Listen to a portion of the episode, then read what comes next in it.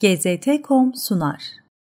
Şu anda karşınızdaki görüntüde bir anormallik görüyorsanız henüz yeni normale adapte olmamışsınız demektir. Ama üzülmeyin. Size günde 4 saat ana akım medya takibi yazıyorum. Bir haftanın sonunda siz de artık bu görüntüyü normal görmeye başlayacaksınız. Mizanseni geçtiğimiz gün Amerika Birleşik Devletleri'nin New York City bölgesinde çekilmiş bir fotoğraftan aldım. Tek fark şu, başını telefondan ayırmadan metro yolculuğuna devam eden bu kişi benim aksime son derece ciddiydi. Sosyal medya hesabımda bu görüntüyü karanlığın ve cehaletin gövde gösterisi notuyla paylaştım. Gerçekten de olan şey bir gövde gösterisi. Korku ve panikten beslenen ana akım medya bu kişilerin söylenen her şeyi sorgulamadan yapacağından zaten son derece emin.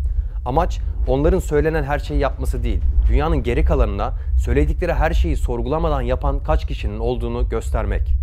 Gösteriyorlar da ve bu güçten etkilenmemek mümkün değil. O kadar ki bazen geri açılıp şunu diyorum. Devam edin bakalım 2021'de bizi ne bekliyor?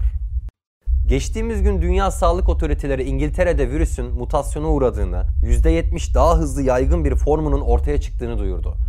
It may be up to 70% more transmissible. Avrupa ülkeleri tek tek İngiltere'den gelen uçuşları durdurdu ve bunu dünyanın diğer ülkeleri takip etti. Hastalık artık yeni bir forma girdi, hatta yeni bir isim aldı. Ancak endişelenmeye gerek yok. Almanya Sağlık Bakanı mevcut aşıların bu mutasyonu da kapsadığını bildirdi. Test edilmeden nasıl ulaşıldı ki bu bilgiye diye soruyorsanız sormaya devam edebilirsiniz. Çünkü sorularınızı duyan kimse yok.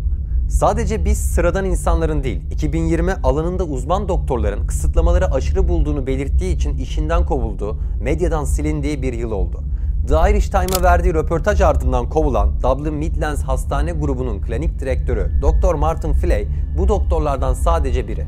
Haliyle otosansür ve sessizlik sadece toplumu değil, tıp ve bilim dünyasında sardı. Bu sansür ve sessizlik içinde yeni normal artık normal hale gelirken kitleler de gerçek arayışıyla değil, normalden atılma korkusuyla hareket etmeye başladı. Çünkü normallikten atılma, arkadaş kaybı, statü kaybı, gelir kaybı gibi birçok cezayı da beraberinde getirir ki bunlar göze alınması cesaret isteyen cezalar.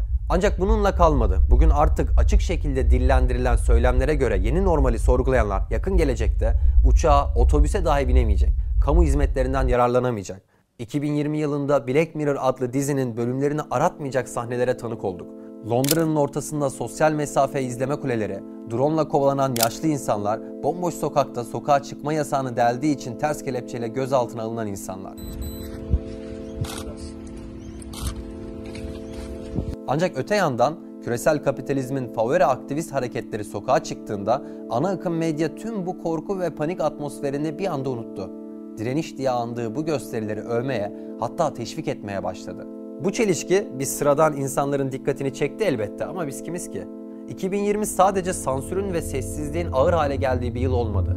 Dünya Ekonomi Forumu tarafından büyük reset olarak adı konan sistemsel revizyon da hayata geçti. Bu süreç küresel kapitalizme karşı isyanları, Avrupa Birliği'nden ayrılma fikirlerini, yerelleşme taleplerini, çocuk istismarına adı karışmış elitlerin yargılama cüretine ağır şekilde cezalandırdı. Ve öyle görünüyor ki 2021 yılında da cezalandırmaya devam edecek.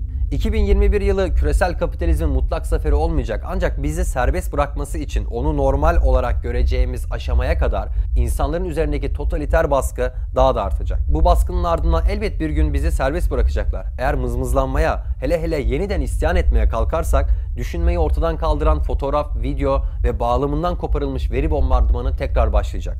Aklımızı başımıza alana kadar bizi tekrar tekrar susturacaklar. Kısacası 2021'de bizden sadece şöyle bir muhalefet beklenecek.